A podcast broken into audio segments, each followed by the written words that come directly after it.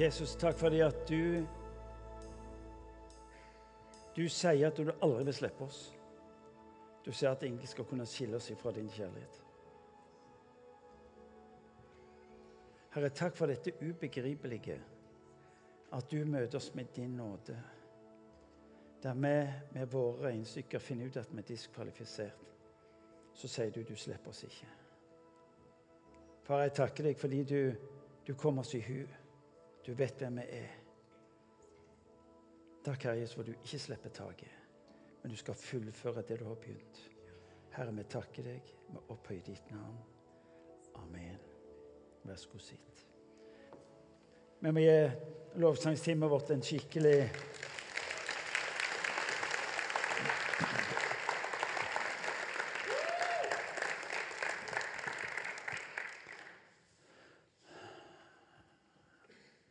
innledningsvis si at vi har hatt en helt fantastisk helg. Eh, det å, det, å, det å, få lov til å sette av dager for rett og slett å ha Gud som fokus, gjør noe med oss. Altså Det å få lov til å stenge Ikke glemme, men stenge verden ute for et øyeblikk for å kunne stoppe opp og, og la eh, Guds ånd gjennom sangen, gjennom forkynnelsen, gjennom forbønnen, gjennom relasjoner, gjør noe med oss. Eh, jeg kjenner på utrolig privilegium. Og Når jeg tar av meg denne berømte hatten av å være pastor i min kirke, så Martin trenger denne helga for sitt liv for å våge å fortsette videre framover. Så eh, jeg er utrolig takknemlig for at jeg får lov til å være en del av det som Gud gjør også på denne måten i IMI. Så eh, takk også til dere som er der, og som gjør dette til denne helga det er. Så får dere huske på å sette av helga i januar. Jeg tror det kan bli kjempe, det òg. Du vet, Israelsfolket de, de dro opp til Jerusalem på festreisene sine. Ja, var så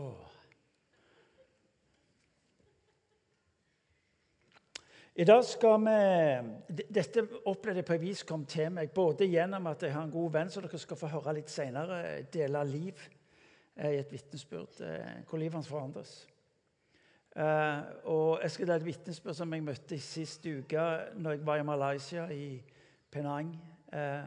Som var med en sånn karakter når jeg hørte han snakket, så jeg bare satt og grein. Fordi at jeg møtte en respons på Guds invitasjon. Det betyr en forskjell. Og så eh, skal vi knytte det litt til i utgangspunktet to tekster. Den ene er fra Gammeltestamentet, og den andre er fra Nytestamentet. Så har dere omtrentlig bilde på hva det blir. Får se hvor mye jeg får til i løpet av 25 minutter. eller noe. Det var en som var ute og uh, gikk tur i fjellet og klatra. Og så og så ender han opp i denne ulykksalige situasjonen at plutselig så, så mister han taket, og han raser nedover, og der er rimelig langt ned eh, Da han i, i, siste øyeblikk får tak i ei grein og holder i greina. Og der henger han. Eh, ned er det fritt fall. Og han vet hvis treet ryker eller han slipper taket, så er han ferdig. Så han begynner å rope. Er det noen som kan hjelpe? Og rope 'hjelp, hjelp'. Plutselig så hører han en stemme som sier, 'Du kan slippe taket, for jeg tar deg imot i mine eh, velsignede hender.' Det er Gud. Og så blir det helt stille. Og så roper han igjen, 'Er det noen andre der oppe?'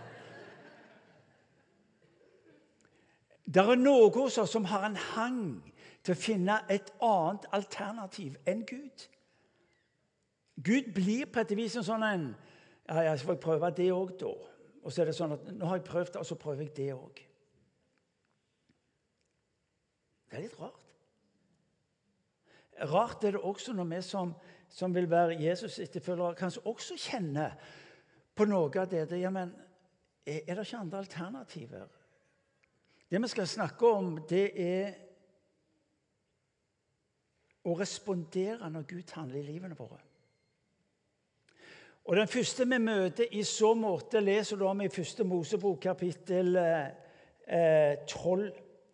Det er Abraham som holder til i Uri Kaldea. Eh, og så taler Gud inn i livet hans, og så sier han Dra bort fra ditt land og din slekt og din fars hus til det landet som jeg vil vise deg. Jeg vil gjøre deg til et stort folk, jeg vil velsigne deg og gjøre ditt navn stort.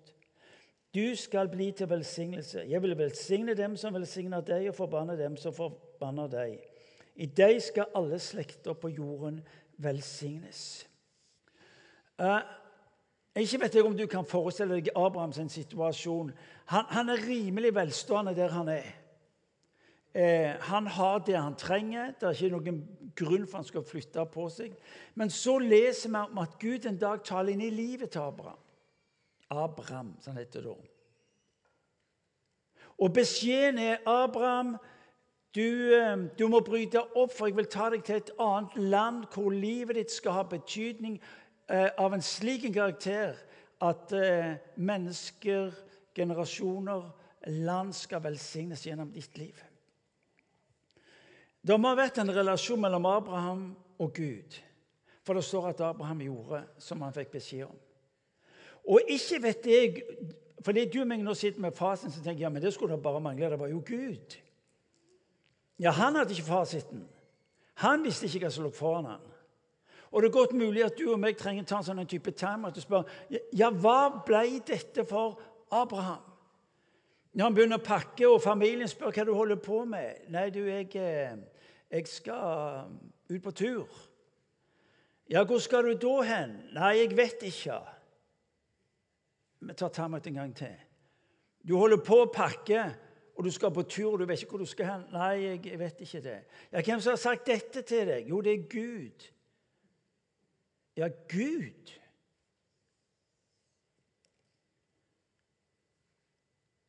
Ja, Mener du at du nå bryter med familien, og så drar du til et land langt vekke, og så henviser du til en Gud? Ja, det er det jeg gjør. Når Gud tar deg og meg inn i det som er av Han, så har du ikke alltid forklaringene. Når du og meg tror at vel, vel, nå har jeg sikra meg og forsikra meg på at dette skal gå bra, så er du på et vis i utakt med den normale måten som Gud taler med oss når han tar oss ut i nye ting. Abraham, hvor skal du hen? Jeg vet ikke. Og Hadde det vært i vår tid, så hadde det gått en bekymringsmelding til et eller annet kontor. Så hadde de sagt at dere må eh, For nå tar han ut med hele familien sin. Og dette er gale. Og så hadde vi hatt I tro var Abraham lydig, står det i brevet. Da han ble kalt, så han drog til et annet land som han skulle få til odel og eie. Han drog av sted uten å vite hvor han kom hen. Når du og meg som vil være Jesus etterfølgere, har med Herren å gjøre, så tar han oss inn i en prosess hvor du og meg ikke alltid kan ta oss inn i. Og jeg holdt på å si takk og lov.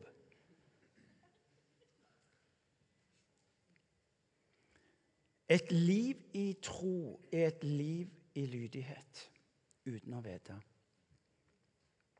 Bare det, folkens, å tro på en Gud er jo i seg sjøl rimelig bemerkelsesverdig. Ikke om du har tenkt på det. De fleste i dette landet vil se på deg hvis du tror jeg tror på Jesus Kristus. Så, så vil de se på deg med litt sånn rare øyne. Så vil tenke Det var som naboen sa til meg.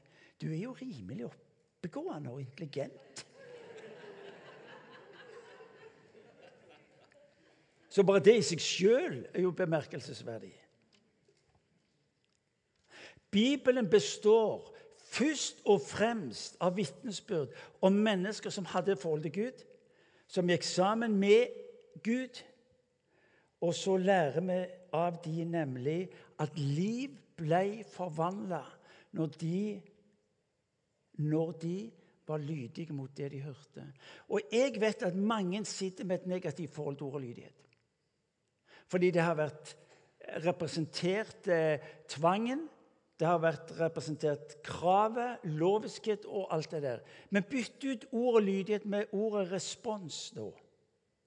Fordi at i Gamle testamentet har de egentlig ikke et ord for lydighet. Men det er en forbindelse mellom å høre og gjøre. Gjøre. Gjør, heter det i min del av landet. Altså, Det vil si at når jeg hører noe, så responderer jeg på det jeg hører. Og så responderer jeg i henhold til det som ble sagt. Altså, Det skjer en kobling mellom å høre og gjøre. Er dere med meg? Så der du sitter med bilder av lydighet, det er sånn Nei. Abraham var lydig. Hva var det han var lydig? Han var responderer på ord han hører om å dra ut til et nytt sted. Han responderer, og vi kaller det for lydighet. Du hører når du er lydig, gjør som du hører. Altså det vil si, Bibelen opererer ikke med et eller annet som lagres oppi hjernekassen. Du vil høre meg si litt senere tro har ikke først og fremst med hodet å gjøre. Det har med beina å gjøre. Vi har teoretisert eh, hele tematikken om tro til noe jeg skal forstå, noe jeg skal få hendene rundt, noe jeg skal komme til rette med på en slik en måte at jeg forstår det, handler på det og har rimelig god kontroll på det som skal skje. Det er ukjent i Bibels tenkning. Lydighet mot ordet blir altså ingen tung forpliktelse, skriver jeg i mitt eget manus. Fordi Gud sjøl er lydig mot sitt ord. Pakten som Gud inngikk med Israels folk og senere med, med, med oss som er Kristus' følgere. Det er synonymt. Når han ber deg om å respondere på ordet, så er det fordi det er et ord han sjøl setter i bevegelse og er en del av.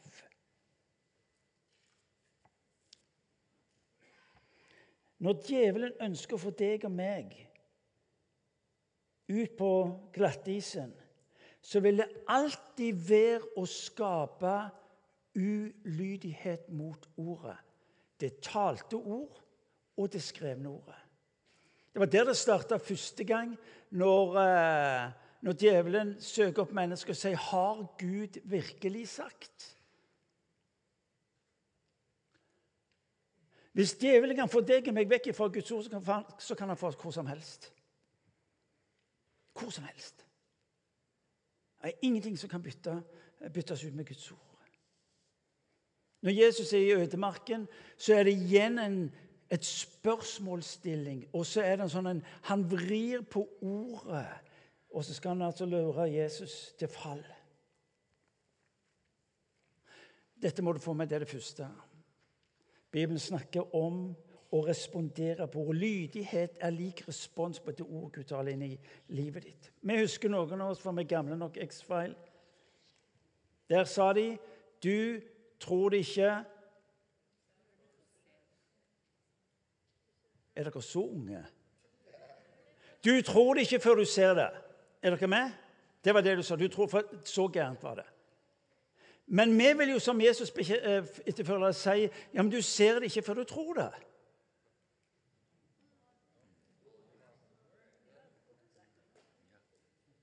Var det greit? Når kona sier Det var en ting.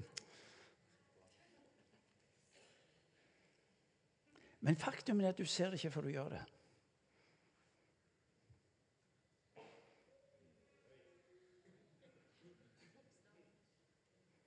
Jeg tror Gud kan helbrede. Ja, fantastisk.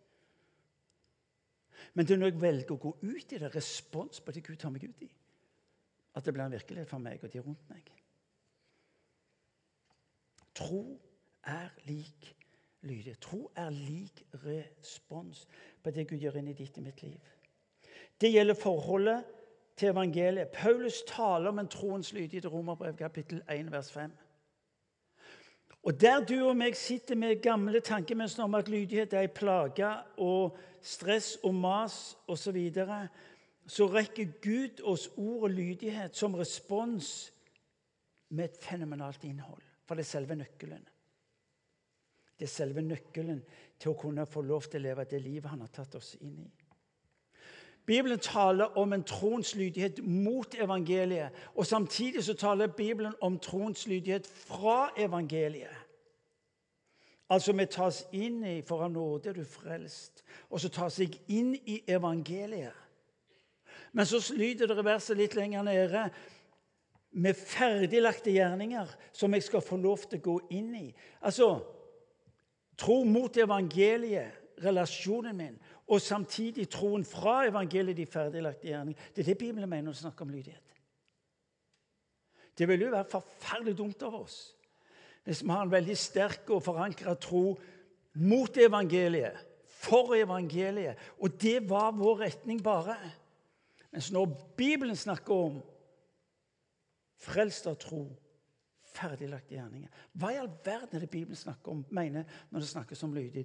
Bibelen snakker om å gå i de ferdiglagte gjerningene. Ser dere hvor det henger sammen? Fire stykker, dere andre er ikke helt sikre.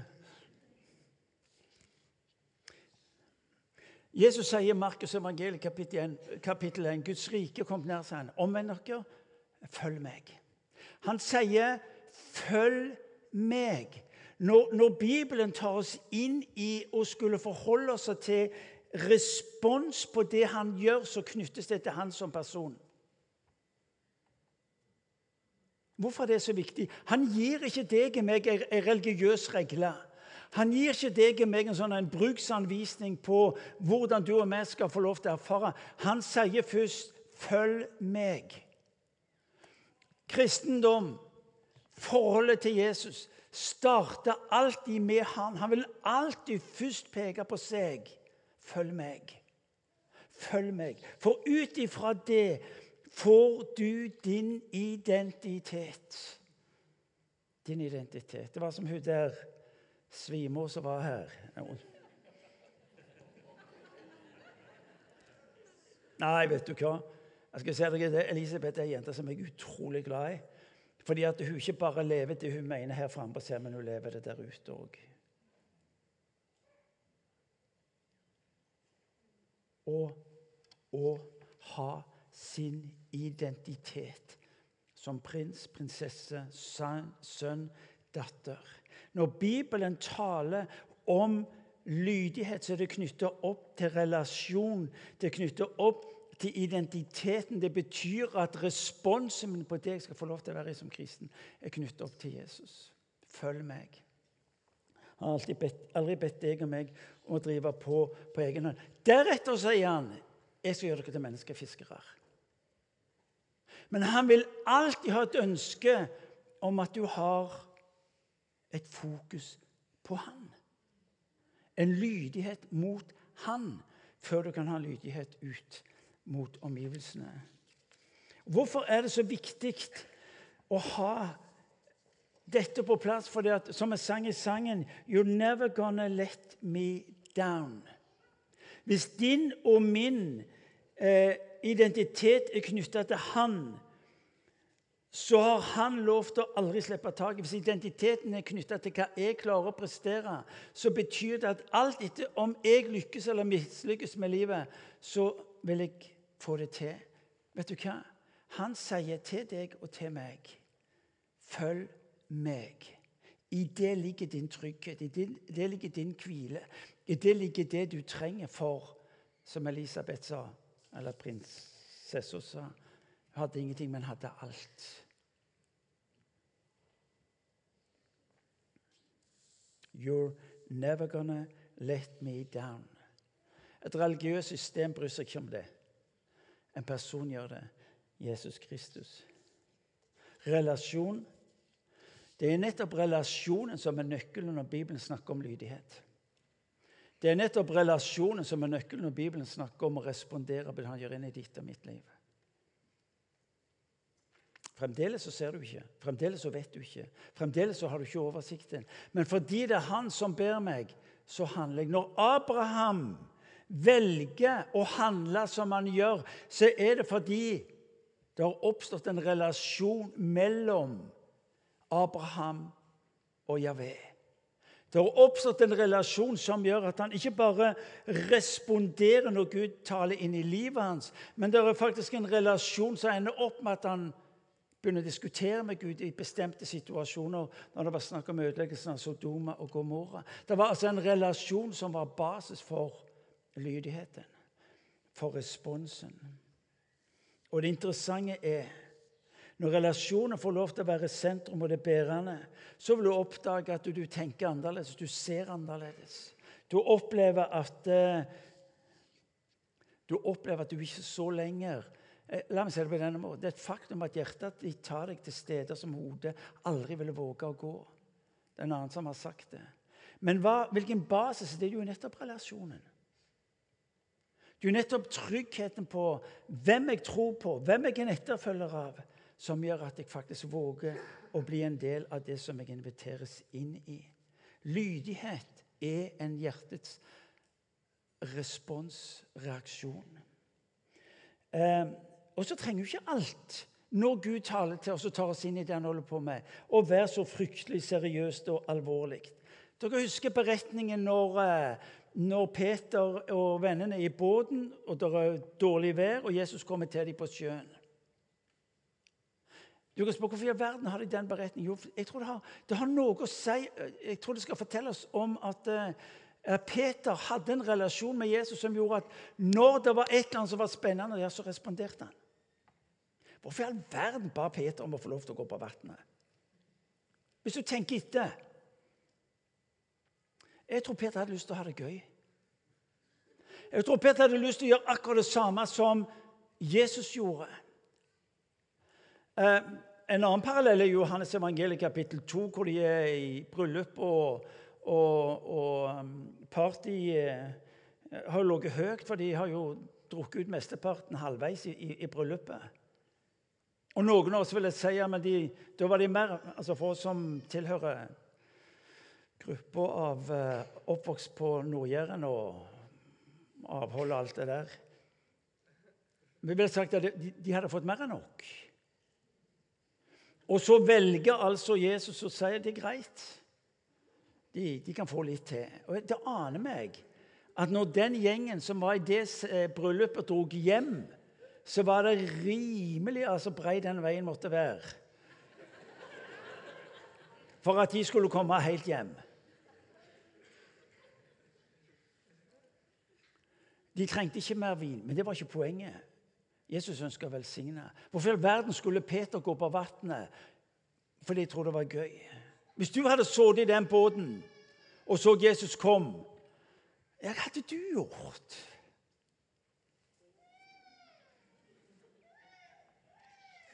Hør nå. Dette, dette er viktig.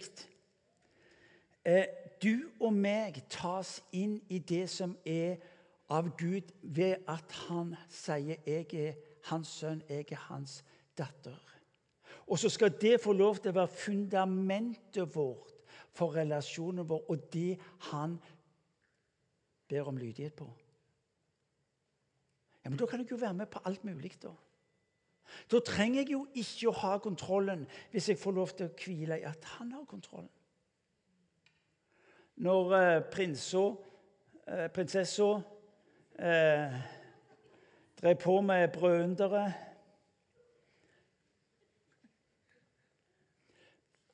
Hva tror du Jesus tenkte når han gir eh, Peter og guttene denne brødbeten og litt fisk?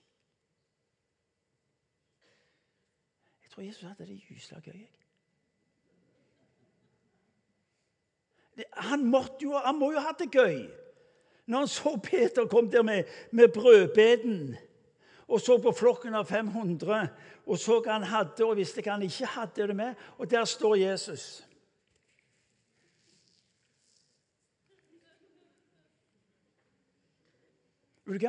Vi har gjort kristendom til noe gysla alvorlig og seriøst fordi vi aldri våger å respondere på Hans ord og det Han tar oss inn i. Fordi vi skal på død og liv ha kontroll.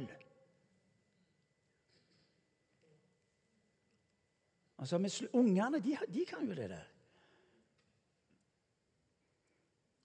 Og du og meg går rundt og tror ja, ja, ja. Jo, jo, jo. Fornuften. Relasjonen. For noen så vil lydigheten gå på å bryte opp og reise til et annet sted. For andre igjen vil det være å snu om opp ned på livet sitt og tenke annerledes med de ressursene Gud har gitt meg. Jonathan jeg møtte han i Penang siste uke, søndag i siste uke. Og Han fortalte meg Han var pastor i en menighet. Alt var på stell, alt var bra, alt var såkalt vellykket. Og så opplever han at Gud taler til ham at Jonathan, jeg vil du skal stå opp, og så vil jeg du skal gå til Thailands sigøynere. Det er bestemt øy. Kan jeg få et bilde på skjermen? Der står Jonathan. Og så forteller Jonathan på den øya så bor det 100 sigøynere. Og Gud ber han om å bryte opp og dra til denne gruppa. Og Han forteller de kommer til et folk som er fullstendig sundsmadra. Fordi de i sin religion har forstått at eh, de er forkasta. Eh, historien forteller at gudene kasta boka som representerte livet for dem i havet. De var forkasta. Og Jonathan forteller det, det lå tjukt utpå dem. Når jeg snakket med dem, så så de aldri opp. De så på seg sjøl som verdiløse. Han sa de ble, de ble hunsa med og herja med av omgivelsene. De ble, de ble eh, tatt inn og skulle eh, jobbe i fabrikker og på veier og ble lovt lønn. Etter fem uker fikk de beskjed du kan bare dra, fikk ingenting.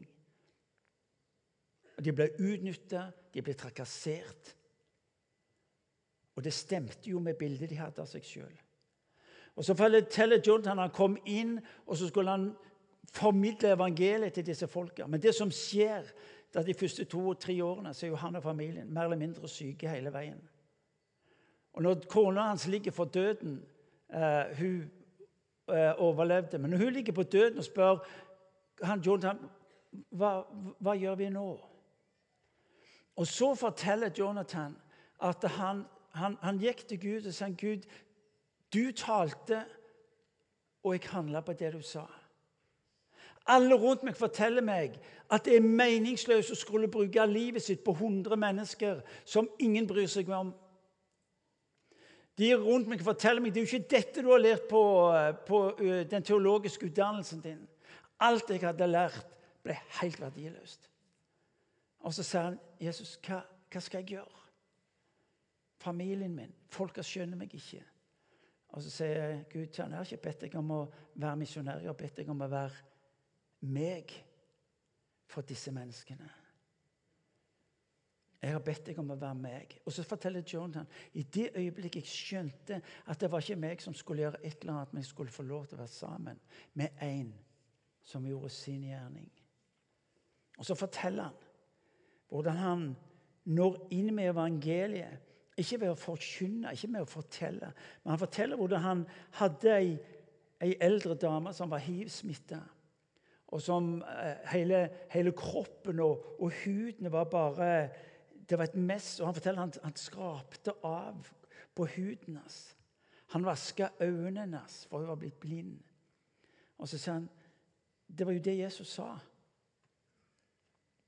Jeg satt i fengsel, du så til meg, jeg var syk, og du stelte meg. Jeg regn. Fordi at jeg har et annet regnestykke. 100 stykker. Hvem i all verden er det som mener det er meningsfullt å skulle investere livet sitt? Etter fem år, forteller Jonathan, så er det et folk som har begynt å løfte hodet. Det er et folk som har begynt å kle seg. Det er et folk som har begynt å ha, og, har fått eh, eh, selvrespekt og verdi. Og evangeliet lufter og berøre mennesker på en måte jeg aldri hadde trodd var mulig. Øya er forandra fordi at Jonathan en dag hørte Gud sa jeg vil du skal gå sammen med meg og bety denne forskjellen. Um, Jonathan legger i mitt hjerte at det er faktisk til tider et offer når Gud ber oss om å respondere. Det gjelder deg, og det gjelder meg. Ingenting av det han hadde lært, var til nytte. Men for bekjennelsen hans er Jesus kaller deg og meg til offer. Uten offer, vet du hva? Heller ingen belønning. Uten lydighet blir det som det måtte være. Jonathan måtte bryte opp av det komfortable. Og når du hører hvordan jeg snakker nå, så vil jeg at du òg skal utfordres på at Gud taler inn i ditt liv. Han taler ikke på den Jonathan. Han ber deg å bryte opp fra det komfortable, det trygge, det du har oversikten på. Mange av oss kjenner frykten for å miste det vi har. Det er kanskje den største frykten vi har i det norske samfunnet i dag.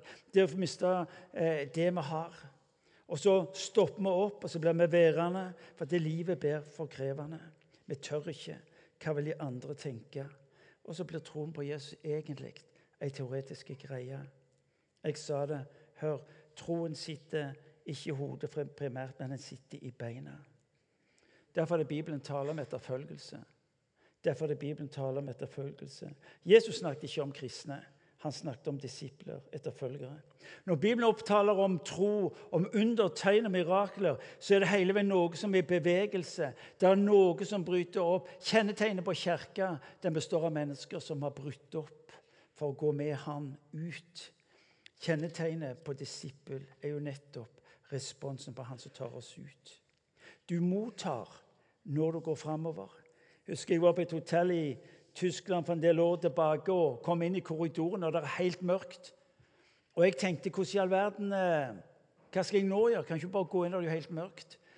Og så skjer det at når jeg tar et steg inn i korridoren, så kommer lyset på. Der du og meg venter avklaringen før vi går inn, vet du hva, så blir vi stående, og så går vi glipp av og ser at lyset gikk på. Tenk så dumt det var å skulle stoppe opp fordi jeg bare ser mørket. Gud kommer til å kalle noen av oss til å bryte opp for å dra til et annet sted. Jeg håper du vil spørre Jesus hva betyr det i mitt liv. Det ordet jeg hører, er det bare Martin sitt ord, eller er det også ditt ord? Og jeg vil du skal prøve det på ditt eget liv. Men så tar Gud oss også inn i måten å eh, forvalte livet vårt annerledes. Og Nå vil jeg at dere skal ta godt imot en god venn av meg som spesielt de siste halvannet til to årene eh, har lært meg og vist mot på å handle på at han ikke helt skjønte rekkevidden av. Bjørn Kåre, også kalt Bossi, vil du komme fram?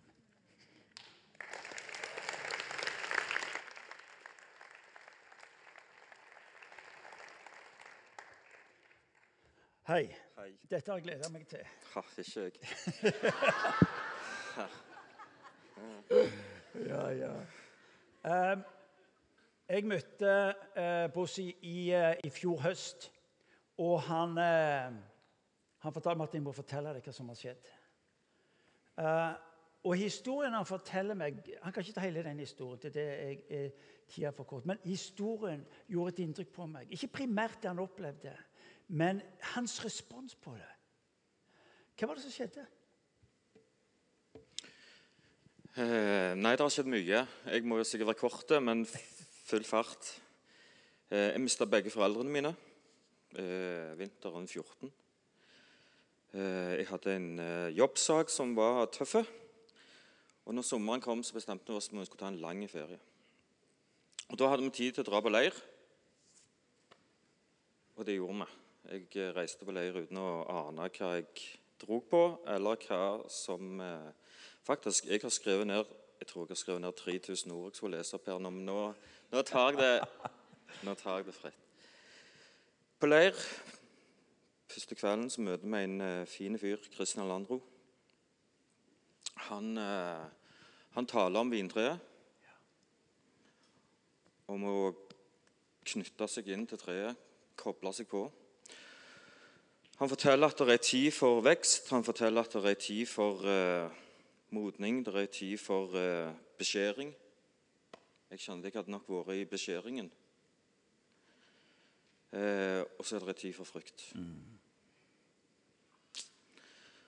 Og han Ja. Jeg skulle nok sagt noe mer om det òg, men jeg stopper der nå. Men du fikk et ord, sa du, som på et vis traff deg. Den som er mye gitt. Ja, den, ja.